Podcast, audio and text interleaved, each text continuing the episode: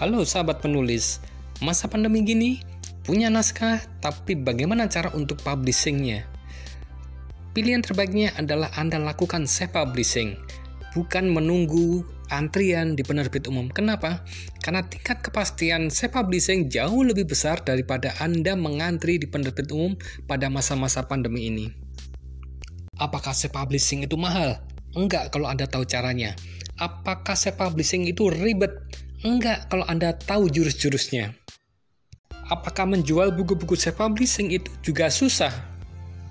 Tentu saja ada triknya. Ikuti kelas saya, kelas self-publishing tanpa pusing bersama saya Anang YB dari Akademi Penulis Buku.